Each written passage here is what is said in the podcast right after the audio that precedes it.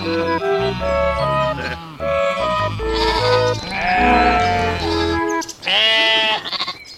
Anna! Hej Einar!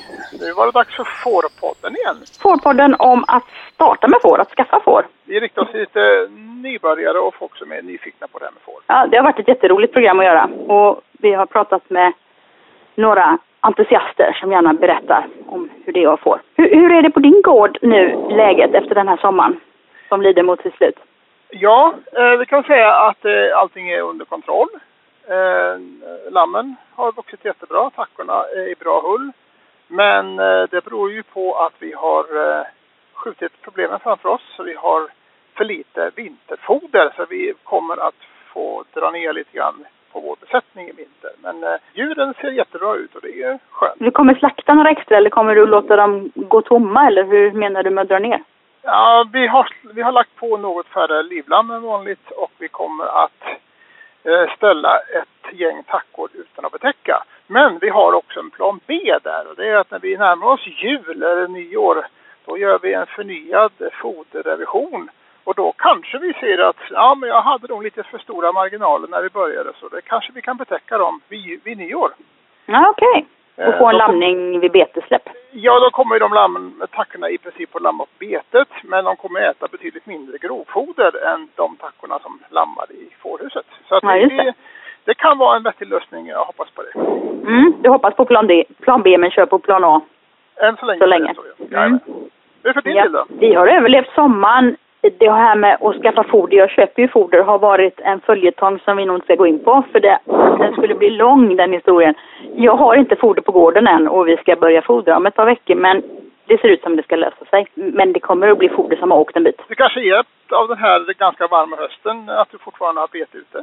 Absolut, de går fortfarande ute och de har mat och är, verkar väldigt nöjda. Så att det, normalt hade jag ju fodrat vid det här laget men det gör jag inte i år faktiskt. Vad skönt.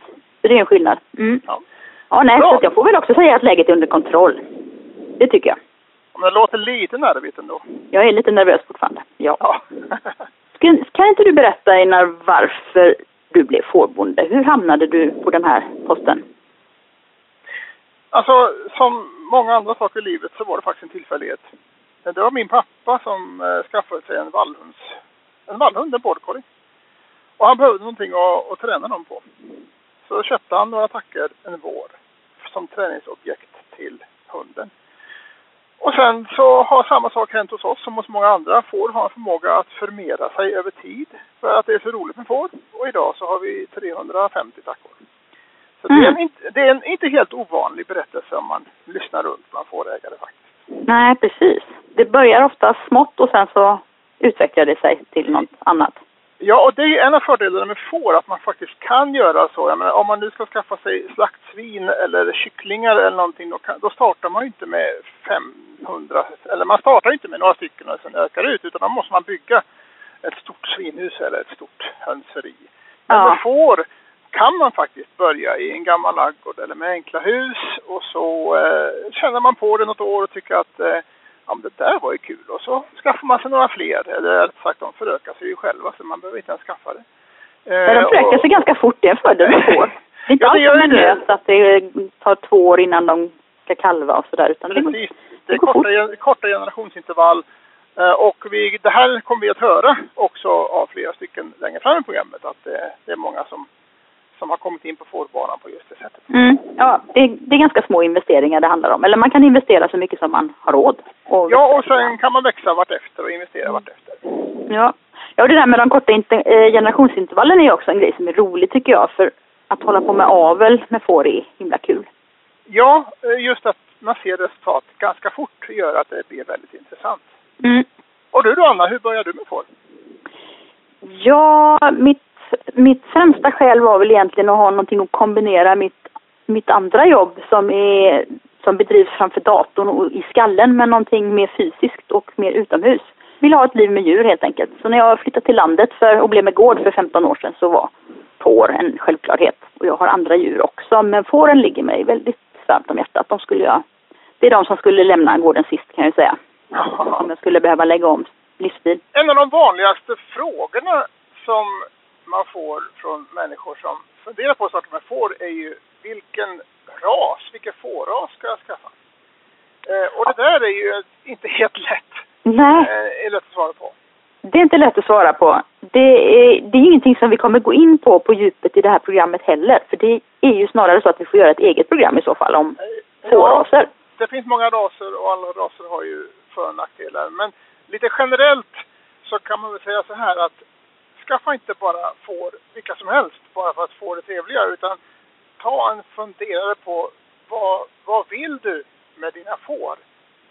Eh, även om man ska får bara för att man tycker det är trevligt och kanske vill hålla marken öppna så, så kan ju olika fårraser ge dig lite mer om du satsar på rätt ras från början. Ja, absolut. Eh, alla får ger ju kött och ull och skinn. Så att, men däremot så har de ju olika karaktär, både på köttet och ullet och skinnet. Så att det är ändå en bra idé att fundera igenom det där. Ja, precis. Exempelvis så är ju allmogefår är ju intressanta djur om man vill göra en insats. Men lammen blir ju inte lika stora som många andra fårraser. Så om man vill kunna skicka sina lamm till ett slakteri och få vettigt betalt då kanske det är bättre att välja någon annan ras, bara för att ta ett exempel. Mm. Ja, eller om man vill sälja lammkött under våren och sommaren, då behöver lammen födas mitt i vintern och då, då kan man inte ha en ras med årstidsbunden brunst till exempel. Men det finns ju raser som är lämpligare att betäcka vid andra tider på året och där Ja. har man ju framförallt Dorset-rasen som har en stark sida där. Ja, så det finns ju många olika aspekter man behöver fundera Ja. igenom. Eller intresserad av hantverk och kanske vill eh, ta vara på ullen och spinna sin egen, sitt eget garn eller någonting sånt. Då är det ju många raser som är lämpligare än andra. Texel kanske inte ger så rolig garn om man ska göra garn, men finull. Nej men precis, då ska man stoppa fingrarna i många olika pälsar och känna vad man fastnar för. Ja, och pälsar, ja, det är likadant med skinnen. Vissa raser ger ju Mm. skinn som är mer värda att sälja än andra raser. Så det Ja, finns mycket att tänka på det. Precis, men jag skulle gärna vilja tipsa om boken Fårsignaler som är en väldigt bra liten bok. Där, på andra sätt också, men där finns en enkel välja ras-schema. Den kan man kika på till exempel om man behöver guidning i rasvalet. Var hittar man den boken? Eh, Hushållningssällskapet har gett ut den boken. Eh, det finns länk från hemsidan så att man hittar den. Ja, vad bra. Men eh, du kan väl berätta lite grann vilka vi ska träffa i det här avsnittet av Fårpodden? Ja, Titti Strömne som brukar jobba med oss med Fårpodden, hon har träffat Åsa Lindqvist som är fårrådgivare och veterinär med många års erfarenhet av En av, får. en av Sveriges fårgurus skulle jag vilja säga. Det skulle vi kunna kalla henne. Ja. Och hon, hon kommer med väldigt mycket bra handfasta tips om vad man ska tänka på när man vill börja med får. Ja, och sen har du pratat med Daniel Magnusson som bor på Tjörn. Ja, det var en intressant kille och han har ju kommit in precis på det sättet som jag berättade att jag själv har gjort också. Börjat med några får för att hålla markerna öppna och sen var det så kul med får så att de har blivit mer och mer och nu har han byggt sig ett stort fårhus. Och sen har jag pratat med Claudia Dillman som är en av personerna som sitter i SS förbundsstyrelse. Hon har en mindre flock allmogefår och hon berättar om dem och lite grann om allmogefåren och även eh, så bjuder hon på en del tips om hur man inte ska göra när man börjar med får. Ja, det kan vara lika nyttigt det som att veta hur man ska. Det är lika viktigt det som Ja. att veta hur det ska gå till. Så att det är de tre intervjuerna som kommer här nu på raken. Men Sen kan vi väl höras efteråt Einar och runda av det. det gör vi. Nu tycker jag vi kör igång. Nu kör vi! Ja, nu har jag med mig Åsa Lindqvist på tråden. Eh, Du jobbar ju som fårhälsoveterinär sedan många år tillbaka och eh, kan du berätta lite vad du gör i ditt företag Fä och Folk? Ja, jag är ju veterinär då och eh, jag eh, startade firman Fä och Folk för 15 år sedan eh, efter att ha varit ledare för fårhälsovården i 20 år och Mm. fortsatte mycket med det jag hade hållit på med innan med rådgivning till fårägare och kurs, kursverksamhet.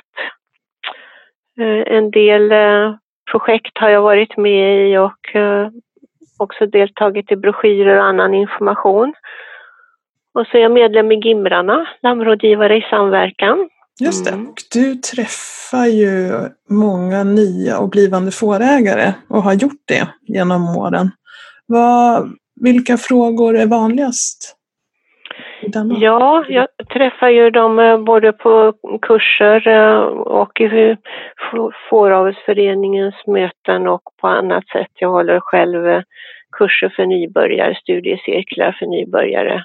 Och de frågor som jag får, det är till exempel att man vill ha hjälp med planering och inredning i befintliga byggnader till får.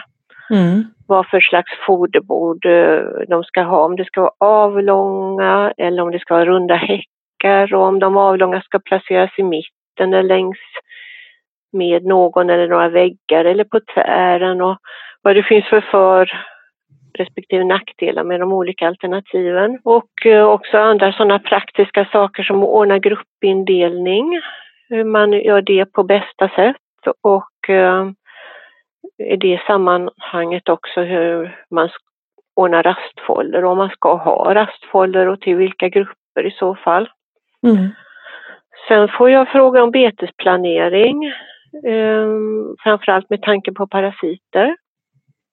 Ja. Då vill man gärna veta hur man ska kunna utnyttja. Många ska, har ju inte haft får innan på gården men uh, har uh, skaffat sig uh, så mycket information och kunskap som man förstår att det här med inälvsparasiter kan bli ett problem.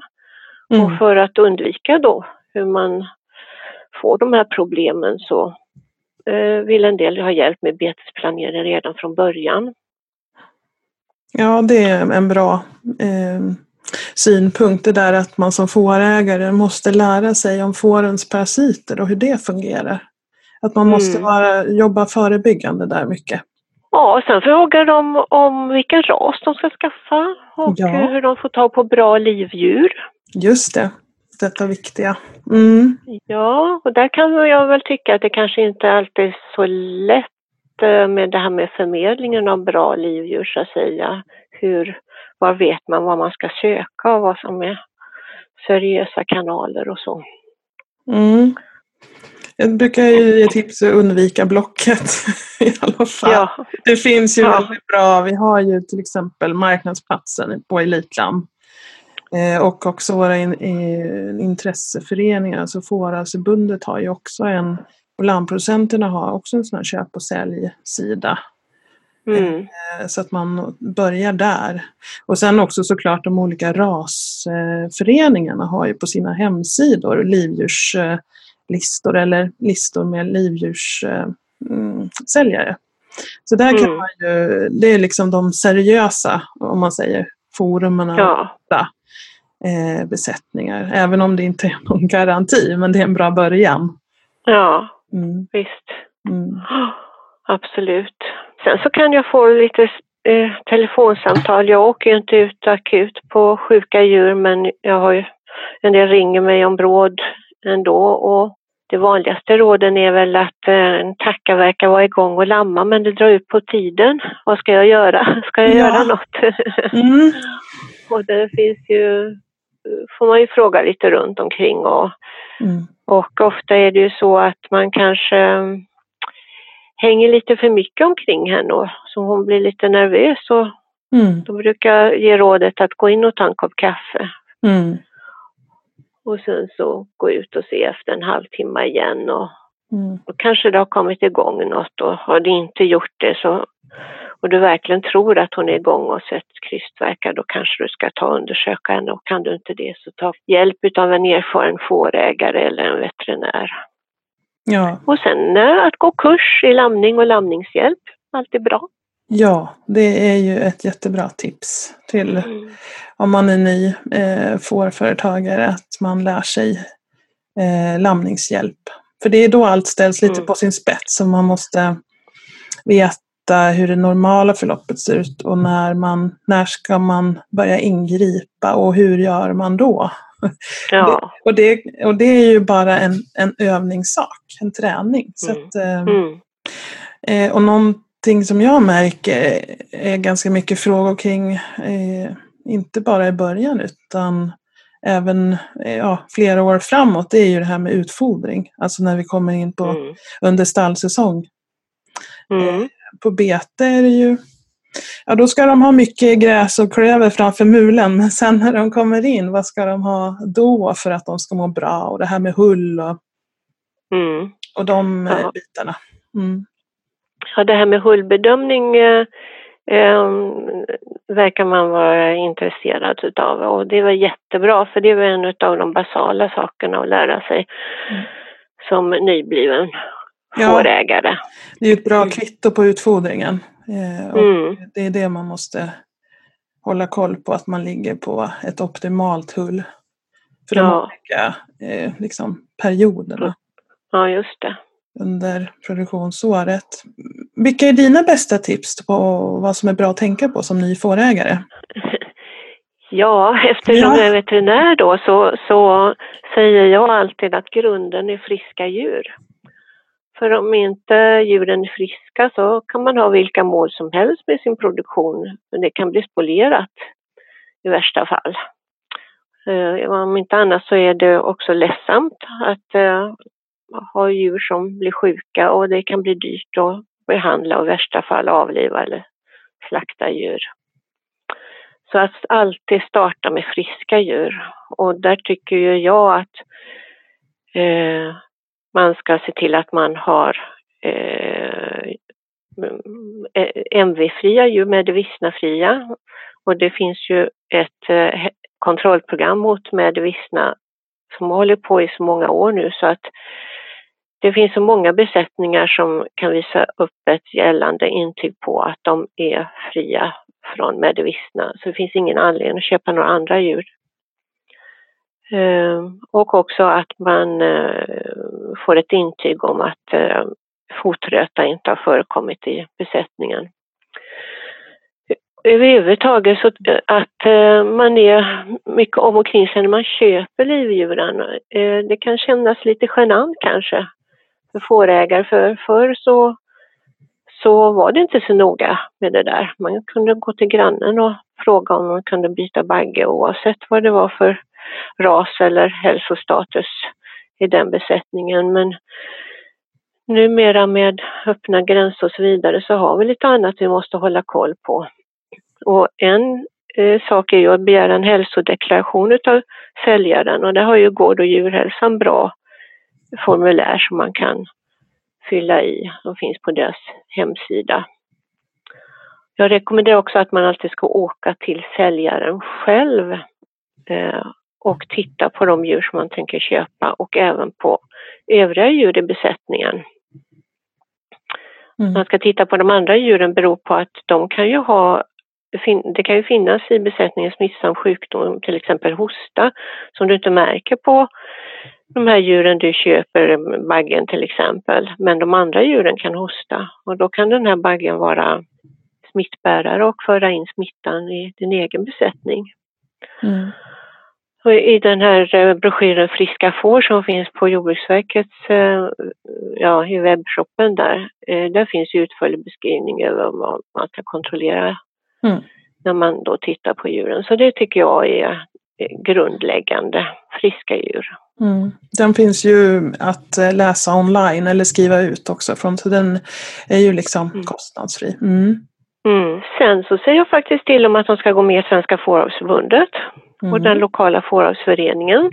Därför att via den vägen så får de så mycket annan information. Till exempel via tidskriften Fårskötsel.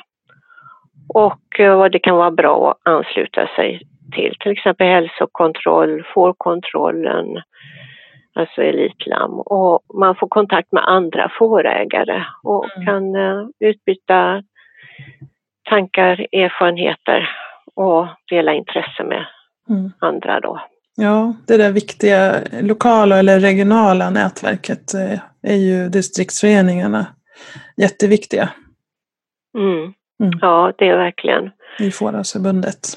Och de ordnar kurser och sammankomster som Mm. är trevliga att vara med på. Mm. Något som jag också tycker är viktigt är att man börjar med en, en eh, inom citationstecken lätt fåras. Alltså en, en ras där tackorna får högst två lamm. Inte någon ras som får fyra lamm. Det ganska knepigt om man inte haft får och lamningar innan. Utan tackar som för högst två lamm. Och som har lätta lamningar, lammar, lammar själv helst och har bra moderegenskaper. Då har man vunnit mycket. Och att gärna att man börjat med ett mindre antal för att lära sig hur får fungerar, om deras beteenden, om vilka, vilka rutiner och inredningsdetaljer, utfodringssystem som fungerar bäst för en själv och för fåren. Och så kan man utöka sen och, och då vet man vad man vill ha för någonting och hur det ska se ut. Och så tycker jag, som vi var inne på innan, att man ska skaffa sig kunskap, gå kurser, läs facklitteratur, till exempel boken Får. Kolla gärna LRFs miljöhusesyn som finns på nätet och som hjälper en att kontrollera att Eh, man följer olika lagar och bestämmelser på ett enkelt sätt.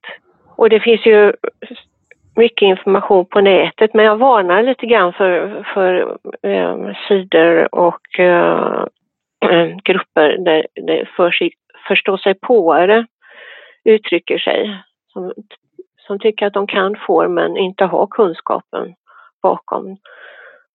Men det, det, finns ju mycket seriös och bra information på nätet som till exempel Fåravsförbundets hemsida som vi var inne på förut och Gård och djurhälsan och mm. Jordbruksverket har ju väldigt mycket på sina hemsidor och i sin eh, webbutik. Ja, eh, precis. Eh, det gäller ju att eh, idag använder vi mycket sociala media eh, och, och tittar och får kunskap och frågar, ställer frågor.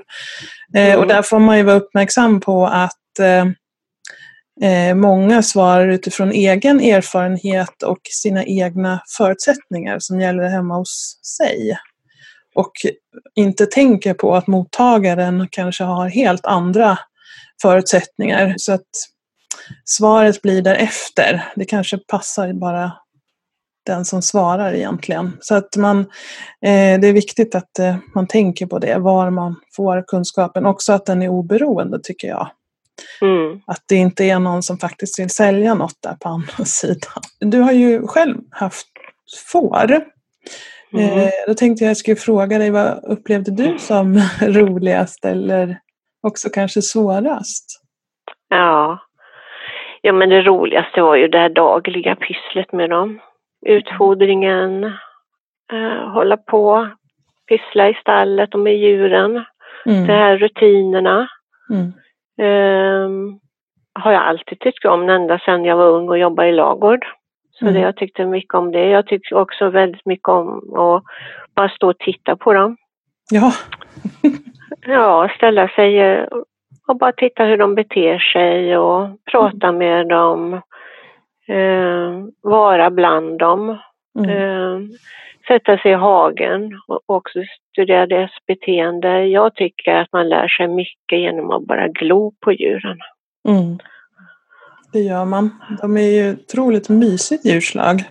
Ja, precis som du säger. Man mm. lär sig mycket bara att titta på när de, eh, hur de beter sig normalt om man är mm.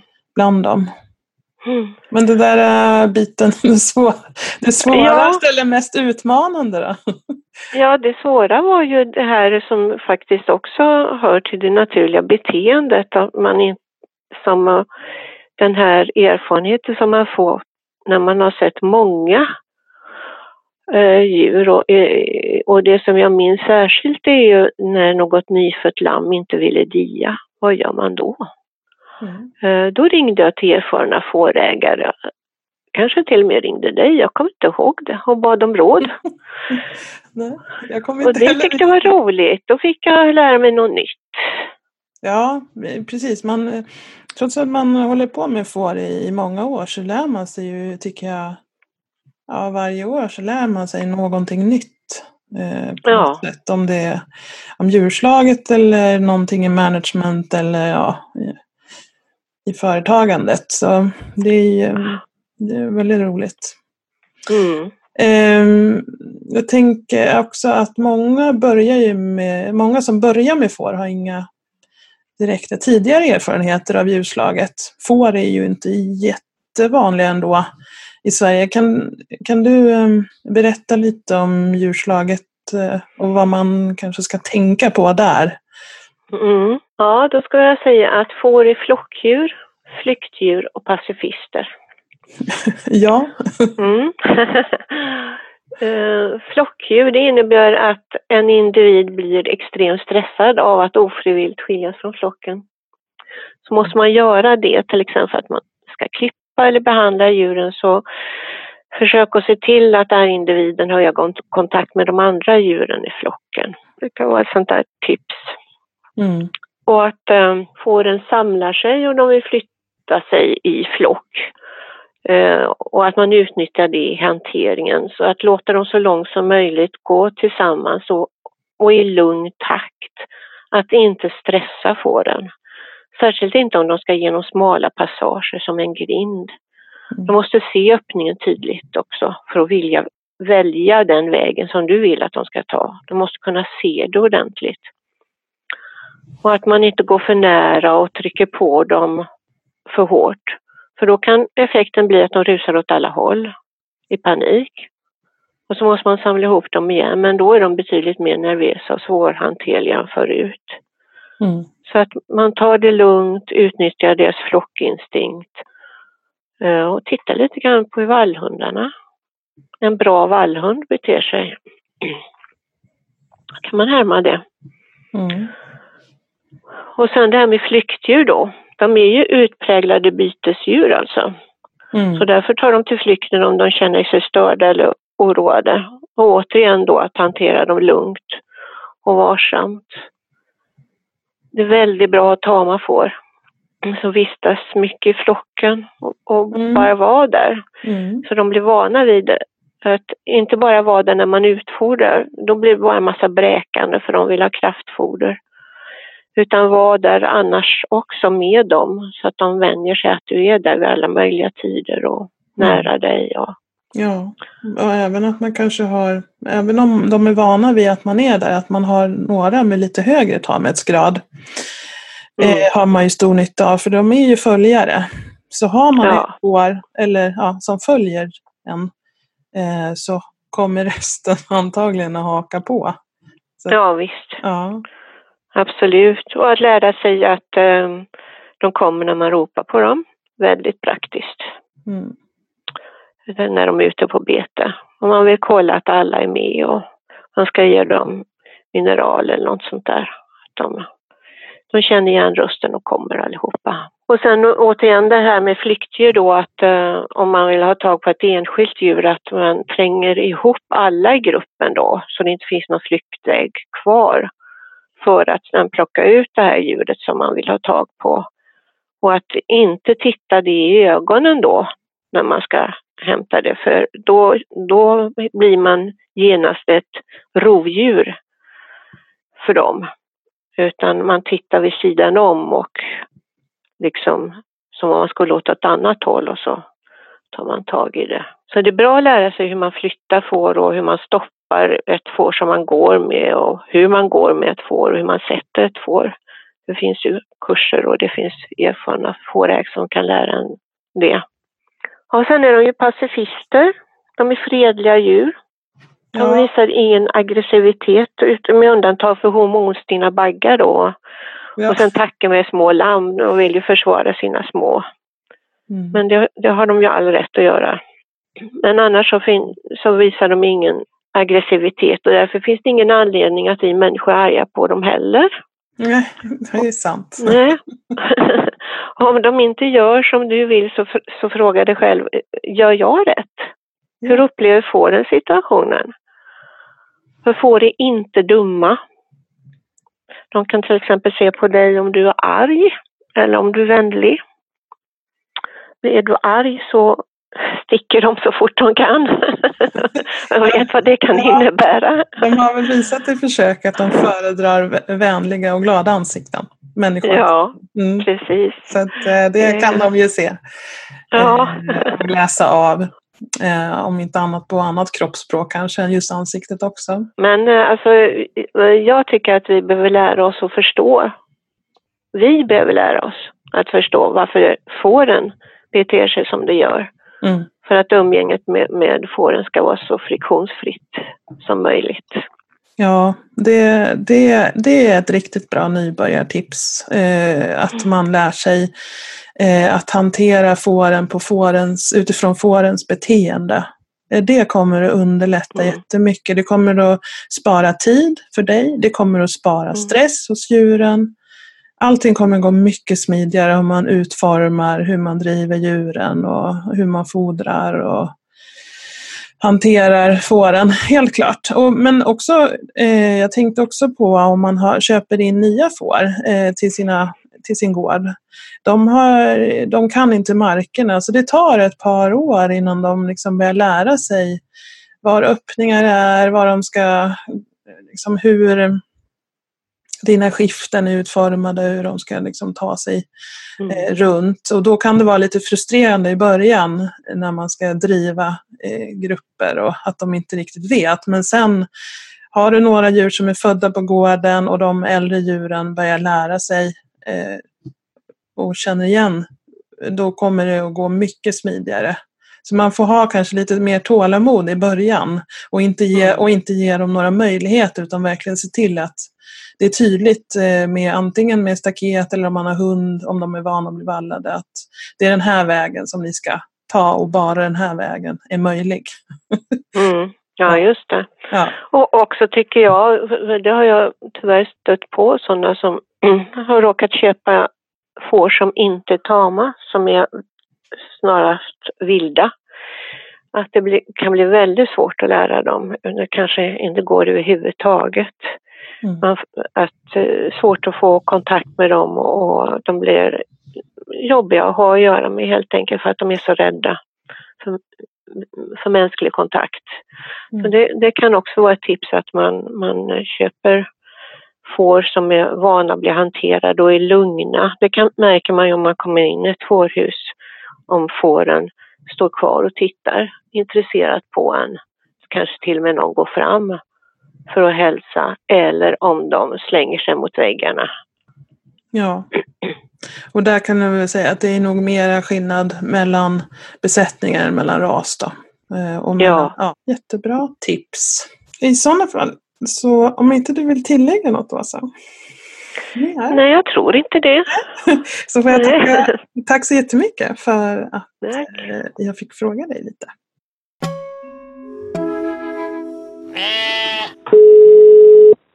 Ja, det var Daniel. Ja, hej, det var Einar Döjt igen. Hej! Sitter du bra? Jag sitter toppen. jag tänkte be dig börja med att berätta lite grann hur du började där med får för din del. Ja, ja vi eh, köpte sex stycken tackor till att börja med. Efter lång tid har försökt övertala min fru. Och då lyckades det. Och då fick jag kontakt på Facebook faktiskt i den här fårgruppen med en tjej som sålde uh, safffolkar. Och uh, hon blev sen min mentor, men det är en helt annan grej. Men det var väldigt nyttigt. Så hösten 2015 köpte vi våra uh, sex första får och en bagge. Ja. Och eh, då var väl, jag jobbar på sjön så jag är borta 14 dagar och så är jag ledig 14 dagar. Och då var väl dealen sån med frun att hon matar mina får under tiden jag är borta och jag ska göra det så enkelt som möjligt för henne. Sen blev intresset lika stort hos henne, eller kanske till och med större, så att hösten 16, ett år senare, så hade det växt till 16 tackor. Och nästa höst igen så hade det växt till 21. Och nästa höst där vi är nu så har det växt till 63 tror jag att det är för stunden. Och ett nybyggt stall. Det var en väldig utveckling men... eh. eh ja, det, det är någonting äh, med får tror jag som gör att ja, det, det blir som en drog. De, de, de förökar sig fort.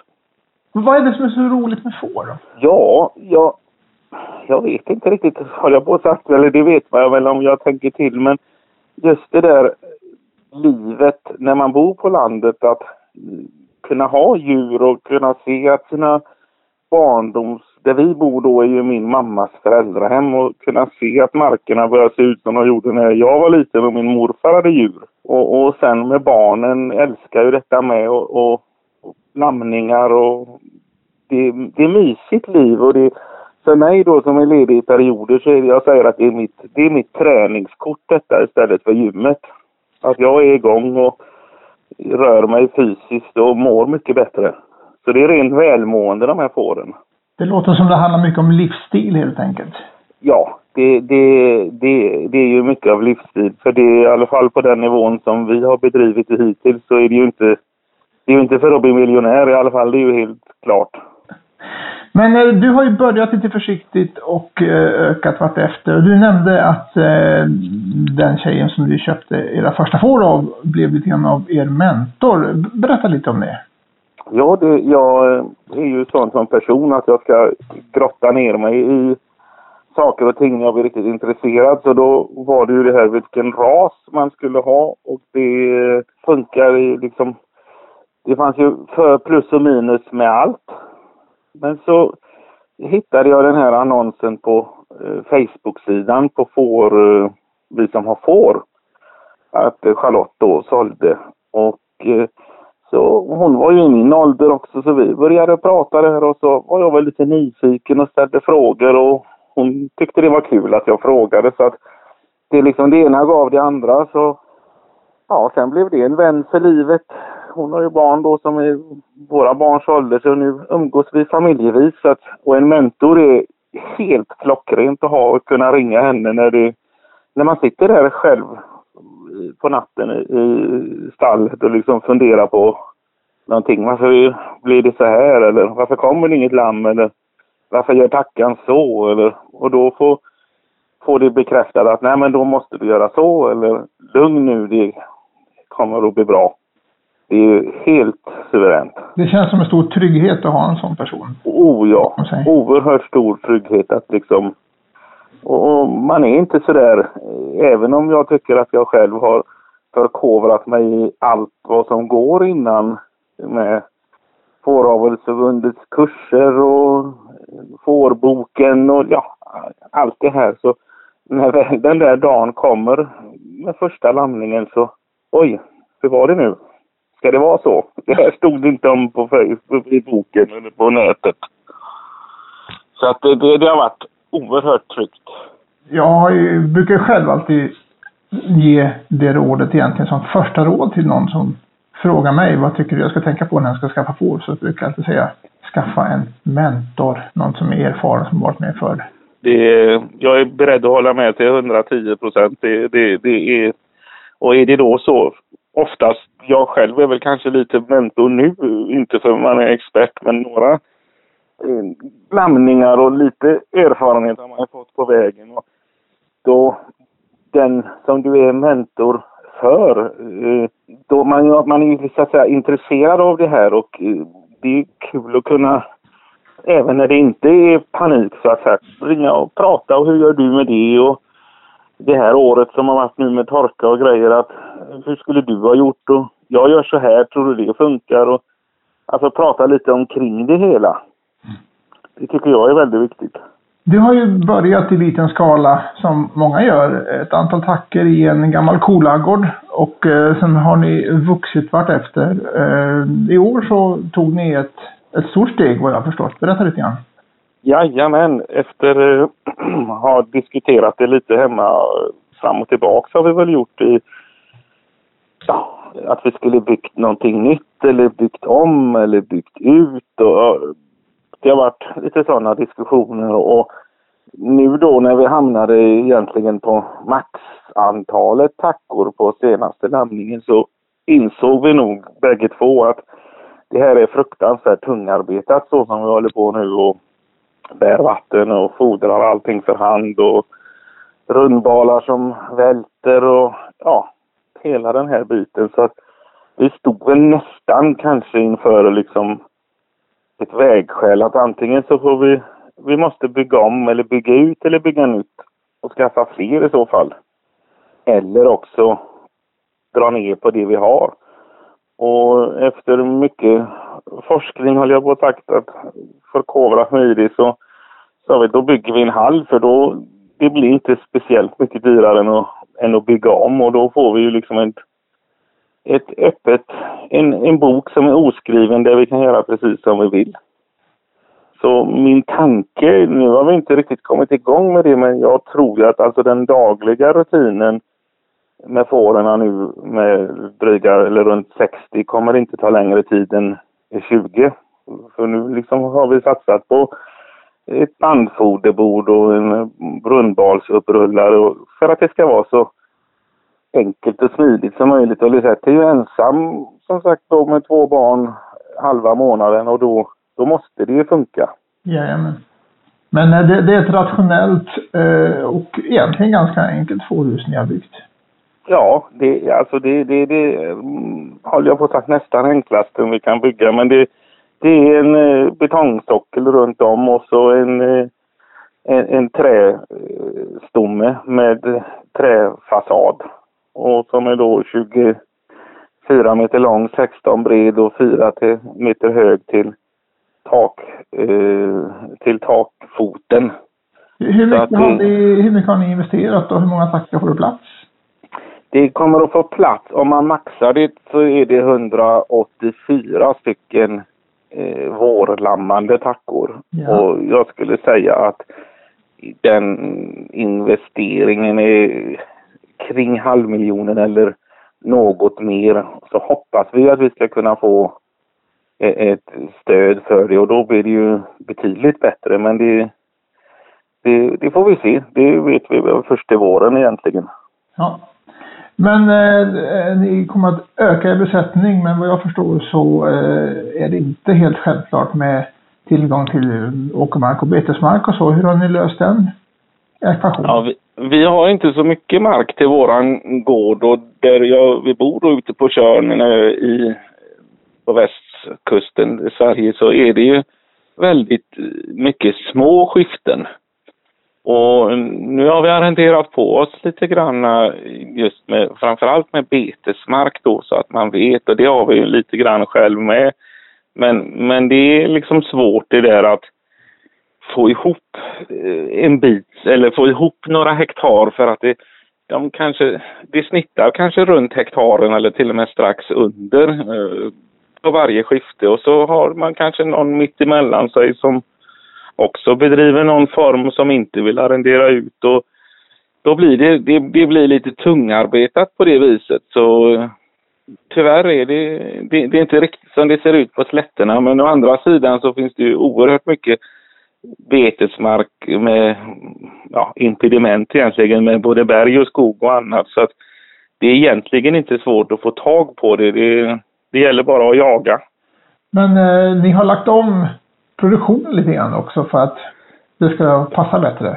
Ja, det har vi gjort nu i samband med det här nya fårhuset då när vi har platsen. Så att nu kommer ju den absolut största majoriteten av tackorna och lamma i, på, ja, inte i år för nu blir det lite försenat, men annars är väl tanken att de ska lamma i januari och så föda upp lammen på stall och då få så att säga mindre antal djur på bete eh, under sommaren eftersom vi har utrymmet inne och vi har hyfsat eh, enkelt att få tag på, på, på vall, vall och mark så att säga, men svårare med betesmark. Så då sa vi att då kör vi, då gör vi det lite enklare för oss att vi kör vinterlammare så att säga så att vi inte, att det kanske är 50, 60, 70 tackor att flytta och inte 70 tackor och 150 lamm också. För det, det, blir mycket stängsling och det blir mycket flyttning. Det, så är det liksom i den delen av landet där vi håller till.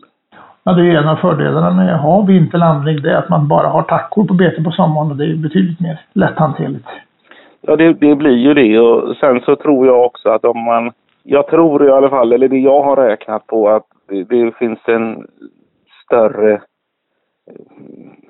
vad ska vi kalla det, chans då att få lite bättre lönsamhet på lammen genom att sälja dem mellan ja, påsk och midsommar än vad det är att sälja dem i oktober när priserna är i botten. För det, det bär man ju liksom emot att sälja ett lamm för dryga 30 kronor kilot med det jobbet som ligger bakom. Det, än så länge har vi löst det att vi har bara sålt lammlådor liksom. Men det är klart det är skillnad att sälja 30 lamm direkt till konsumenten och sälja 100 lamm. Men du har räknat ganska mycket på det här har jag förstått. Ja, det, jag är lite av en sån eh, Excel-nörd. Så så det, har, det har blivit några kalkyler fram och tillbaka och, och jag har även, eh, ja, vad ska vi, vi prata om mentorer förut, men jag har en, en kille på, också i fårsidan. Han är väl en stor aktör i Sverige eh, som jag har pratat med, eller skrivit med på Facebook lite grann, som är kunnig på det. Conny eh, heter han. Så han har jag skrivit med en hel del på Facebook och ställt frågor och hur gör man med det och hur, hur mycket äter de då? Och så, ja, sånt man inte själv har vetat så har det varit ovärderligt. Och det, då ska det enligt mina kalkyler bli lite bättre lönsamhet på vinterlammen än vårlammen. Men framförallt för våran del så är det just detta med beten som, som gör att det, det blir lite enklare. Nej, vi kan konstatera att den här möjligheten man har idag att eh, skaffa sig kontakter på Facebook, det kan ju vara väldigt värdefullt. Oh ja. Oh ja. Det, och sen är det så bra med när man har skrivit med någon att det liksom ligger kvar. Hur var det nu? Man kan gå tillbaka Jag- till det, ja. Jag frågade ju detta i mars, men vad var det han sa? Eller hon? Så att det, det, nej, det har varit jättebra. Ovärderligt. Jag tycker det känns väldigt optimistiskt att prata med dig och eh, jag eh, önskar dig lycka till med din produktion, eller med er produktion. Det är ju du och din fru som gör det tillsammans självklart. Jajamän, jag tackar för det. Och det, ja, det är kul det här hela lamm eh, och fårdelen. Det har även kommit med i faktiskt i Fåravelsförbundet här på Bohusläns fåruppfödare som kassör och det är också väldigt trevligt att träffa andra i samma situation. Håller jag på att säga, i samma läge och prata får. Det är alltid trevligt. Ja. Och vi hoppas att det här programmet kanske kan inspirera någon eller några att ta en extra titt på det här med lamproduktion. Att det faktiskt kan vara något vettigt att hålla på med och någonting som ger en hög livskvalitet. Det tycker jag. Det ger en eh, oerhört hög livskvalitet. Och, eh, min dröm med, jag har en son som är nio och en dotter som är fem. Så i dagens samhälle där det även i de åldrarna är väldigt mycket prat om och tv-spel och paddor och iPadar och datorer och det här så är det liksom drömbilden när hela familjen är ute och är med och ska flytta får eller är med på lamning eller någonting annat. Det, det, det är en härlig bild att se. Det lät som en perfekt avslutning på den här intervjun tycker jag. Jag tackar så mycket för att du ställde upp. Och jag önskar dig lycka till i framtiden. Tack för idag Einar. Tackar. Bra. Hej! Hej. Hej Claudia! Hej Anna! Eh, du är fårbonde i Uppland som också är aktiv i Fåravelsförbundets styrelse. Men idag tänkte jag vi skulle prata om dina får specifikt. Du kan väl berätta lite om dina får? Hur, hur många tackor har du? Eller hur stor är din besättning? Eh, 20 stycken har jag, men det är 14 tacker som jag ska behålla. Skickar eventuellt tre stycken på, alltså, som utslagstackor som ska gå på slakt också så 11 plus en kastrat. Jag hoppas att jag har 12 över vintern då, då för då räcker nog foder också. 11 tackor till beteckning. Ja, 11 tacker till- beteckning. Men då har du utökat en aning, eller? Ja, det har jag gjort. Och jag skulle väl kunna tänka mig utöka lite mer. Jag räknar ihop nu sist att jag har fem olika markägare som jag lånar mark utav. Det är också ett sätt att ha får. Om man inte har en egen gård eller med egna marker så är det ju inte ovanligt att andra vill ha betat. Ja, alla vill ha betat. Det blir färre och färre som har egna djur. Och de är så glada också för att det blir så fint betat med fåren. Det blir de här fåren som jag har är väldigt glada i sly. De är skitduktiga på ren svenska och beta asp. Och det är väl inte alla djur som gör det. Hur funkar det med samarbetet när du betar åt andra när det gäller stängsel som är en ganska jobbig grej i fårhållningen? Att ha bra stängsel. Ja, det får jag hålla med själv. Och jag tycker att det är lika så bäst för då får jag det som jag vill ha det. Vad har du för ras på dina får? Jag har gästrikefår och sen har jag en Värmlandstacka också. Hon smugit sig in i din? Ja, hon har smugit sig in för att det är svårt att bestämma sig för det finns så många trevliga allmogefår och man, helst så skulle man vilja ha några utav alla. Men det går inte. Men jag har genbank på båda, både Värmland och genbank på Gästerike. Och då gäller det att hålla dem isär då, särskilt under beteckning. Ja, du behöver ha två baggar om du ska. Jag behöver ha två baggar och då har jag ju en särbo, gubevars, och då skickar jag hon, Viola heter hon by the way. Eh, då får Viola gå hos Roger, min särbo, och i Arboga och beta tillsammans med en bagge. Ja. Då är det ingen risk att man blandar ihop det. Helt säker på att det inte blir några rymningar och tjuvbeteckningar. Precis. Man behöver och för sig inte ha 18 mil emellan men nu passar det rätt bra. Men hur kommer det sig att du fastnar för allmogefåren? Jag tänkte att eftersom jag inte kan ha så många får kan jag lika gärna ha en liten ras. Liten i storlek eller liten i antal? Nej, jag tänkte liten i antal och sen så kanske man kan göra lite nytta då med utrotningshotade djur också samtidigt. Jag tycker det var lite spännande så jag, jag försökte läsa på allt jag kunde och jag grottade ner mig ganska friskt men sen blev, nej, ju mer jag grottade ner mig ju svårare blev det att välja eftersom det finns tio olika allmogeraser. Och ja. Hur, åkte du Ja. och träffade några stycken eller läste du på och kände att du fastnade för vissa av dem? Eller hur? Jag fastnade för vissa av dem. Så, alltså första anledningen till att jag skulle ha får var att jag skulle ha dem och växelbeta och helst sambeta. Men helst sambetat med mina islandshästar. Jag har tre islandshästar då. Mm. Det var först det här med sambetet och sen var det att det är mest mycket skogsmark och naturbete det är frågan om. Så då måste det vara djur som passar för det. Mm. Och sen så tycker jag om att sticka. Jag har stickat, ja, så länge jag kan minnas har jag stickat. Och då tänkte jag så här, det skulle vara trevligt om man kunde få någon tröja på köpet om man ändå skaffar sig får. Och då tänkte jag, då måste jag ha en trevlig ull också. Mm. Och så köttet förstås. De fick inte vara för små tänkte jag. De- Det skulle liksom vara lite kött på dem också. Mm. Och sen så funderade jag på om det fanns någon sån här alltid ett ras som man kunde hitta då. Och då visade det sig att det var faktiskt flera utav de här genbankarna som var det. Men att det blev just gästrikefåren, det var faktiskt en ren tillfällighet. Och det var, vi kan säga ett misstag med citationstecken. För att jag hade en kollega när jag höll på med i mathantverksbranschen då, som, eh, och de hade får. Och det visade sig att det var gästrikefår. Och jag- visste ju inte om det här skulle funka med fåren och med hästarna och så, så jag köpte en tacka med två lamm. Misstag nummer ett, alldeles för få får. Mm. Eh, och sen så misstag nummer två var ju att de inte hade någon MV-status överhuvudtaget. Och det skulle jag ha tagit med på allvar. Men tanken var ju först att om det inte funkar så slaktar den till hö- Och sen så blir det ju naturligtvis så att man fastnar för dem. För de är individer och är trevliga.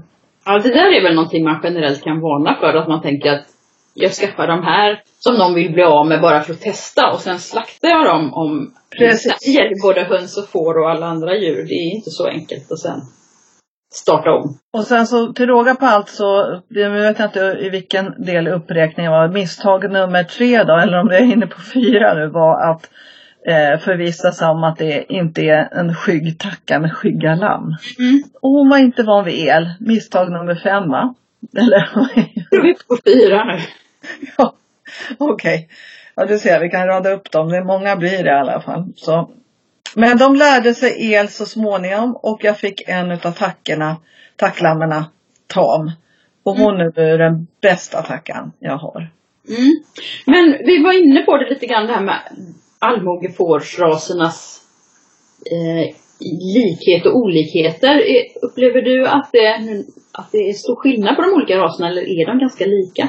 Alltså alla de här olika raserna har ju haft olika funktioner naturligtvis på de platser de har. De, har ju, de är ju ändamålsenliga och de har ju fått förbli ändamålsenliga. Vad är det för skillnad i avel när det gäller allmogeraser och mer produktionsinriktade raser? Man har andra avelsmål eller?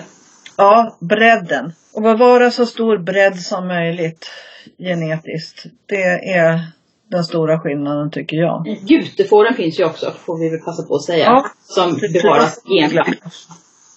Men inte i, inte i ett allmogefår. Jag funderar på, vad, vad, tycker du är det, vad är det allra bästa med att ha får? Jag tycker att det är, varenda dag så kommer jag på någonting nytt ska jag säga med, med att ha får, något, något nytt. De, alltså, de är lagom stora. Sen är de sällskapliga, trevliga, milda i sinnelaget. Ja, och jag menar, jag skulle vilja hitta, jag vet inte något djur som man får så mycket nytta utav. Som dels att de håller vårt landskap öppet och, och snyggt och betar så himla fint. Och sen dessutom så klär de oss, de föder oss. Ja, det finns bara fördelar med får. Jag tycker det är det ypperligaste djuret. Men för den skull tycker jag inte att vem som helst som flyttar ut på landet ska skaffa får. Utan man ska gå en kurs först. Det, det, är viktigt att förbereda sig helt enkelt. Det är viktigt att förbereda sig för även om det är små smidiga djur så bör man ha förkunskaper och särskilt när man betäcker och för att inte tala om lamningskurs. Det är ovärderligt att gå en lamningskurs. Mm. Och så skulle man nästan gå den vartenda år. Eller i alla fall så kan man ju titta på Gårds och djurhälsans filmer. Mm, det finns inför varje landning. Det spar både lidande för djuren och lidande för en själv. Mm. Jag tycker definitivt att man ska höra av sig till Allmogefårföreningen också när man går i tankar och skaffar sig allmogefår också. För det kan ju faktiskt vara någon speciell ras som behöver göras en speciell insats för också. Och särskilt ett år som ett torkans år som 2018 kan det ju faktiskt vara folk som vill sälja en hel besättning. Då kan man ju passa på att köpa den besättningen. Claudia, det var jätte, jätteroligt att prata med dig och få veta mer om dina allmogefår. Detsamma. Vi hörs! Det gör vi. Einar, jag har funderat på en sak. Har du tänkt på hur det skulle vara om får kunde värpa ägg också? Du Anna, det har jag faktiskt aldrig tänkt på. Hur tänker du då? Nej, då skulle de ju vara fullständigt kompletta. Man skulle inte behöva något annat djur. Ja, det menar, då, då skulle man få allt man behövde från... Ja, får gör ju i stort sett allt. Men de kan faktiskt inte värpa ägg. Ja, men det är trevligt att ha höns också. Så det, det är inga stora problem. kan du komma på något annat? Eh, någon annan brist hos fåren? N någonting som är en utmaning åtminstone? Ja, nu har vi pratat jättemycket om det mesta positiva som finns hos får. Eh, negativt med fårskötseln, ja, det är ju fortfarande så att lönsamheten inte är på topp. Eh, vi har en självförsörjningsgrad i Sverige på under 30 procent och det finns massor med konsumenter som vill köpa svenskt lammkött men det räcker inte till.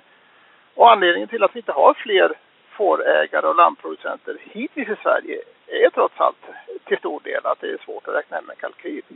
Mm. Men eh, det finns tillräckligt många som gör det så att det finns en stor förhoppning. Kanske inte just den här hösten när allting är lite deppigt men vi, vi jobbar ändå för att det ska bli fler svenska fårägare i framtiden och att lönsamheten ska bli bättre. Ja, som ska få bättre betalt för lammköttet helt enkelt. Ja, och för ullen med kanske. Det jag, jag kan komma att tänka på som är lite jobbiga, jobbigt med får, det är ju dels att de behöver ganska bra stängsel om man jämför med många andra djurslag. Stängsel som behöver sättas upp ordentligt och kostar en del. Ja, så är det ju. När man övertar gamla betesmarker så är det ju nästan alltid taggtråd för det har gått kossor där och då klart då måste man göra om alltihop från början. Det kan ju kanske vara lite jobbigt om inte annat för plånboken. Även fast jag är en sån här konstig person som jag, jag tycker faktiskt om att sätta upp stängsel. Jag tycker det Ja, du gör ju det. Ja, ja nej, men man behöver något sådana här rejäla stängsel både för att skydda fåren och för att inte uppmuntra några får att gå ut. Ja, det blir väldigt irriterande för grannarna om inte annat. Får måste vara i hagen och ha bra med mat, annars så är det inte roligt att ha får. Absolut. Kommer du på något mer dåligt då? Ja, alltså när man har få får som jag har så kan ju det här med att bagge vara lite... Man behöver planera lite grann hur man ska göra för att hålla bagge. Man behöver ju bagge för att få lamm. Och det vill man ju ha. Ja. Men baggen kan i regel inte gå med fåren med tackorna hela året. Så att man behöver ha en plan för hur man, hur man håller bagge. Och många gånger kan det vara bra att två baggar även om man har få får. Så att de har Ja. av varandra.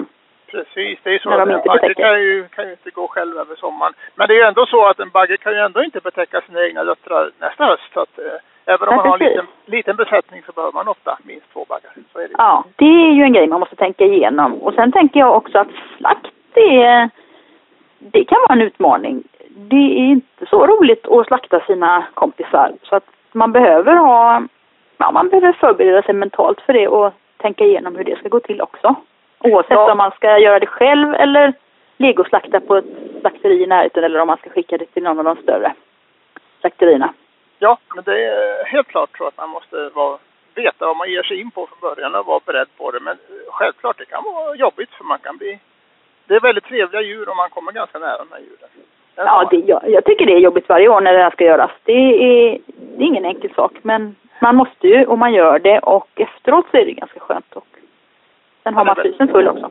Ja, tillfredsställande med det. Mm, det är det. Och sen vet jag inte, parasiter har vi pratat om. Parasiter och får, det gäller att ha koll på läget där. Så att man... Pa parasiten är det som kostar de svenska fårägarna störst pengar och egentligen eh, störst djurlidande på ett år också. Så att där ja. måste man verkligen ha koll innan man skaffar sig får hur man ska göra. Men det finns ja. ju bra information att skaffa sig där. Så det, det finns mycket kunskap och, Absolut.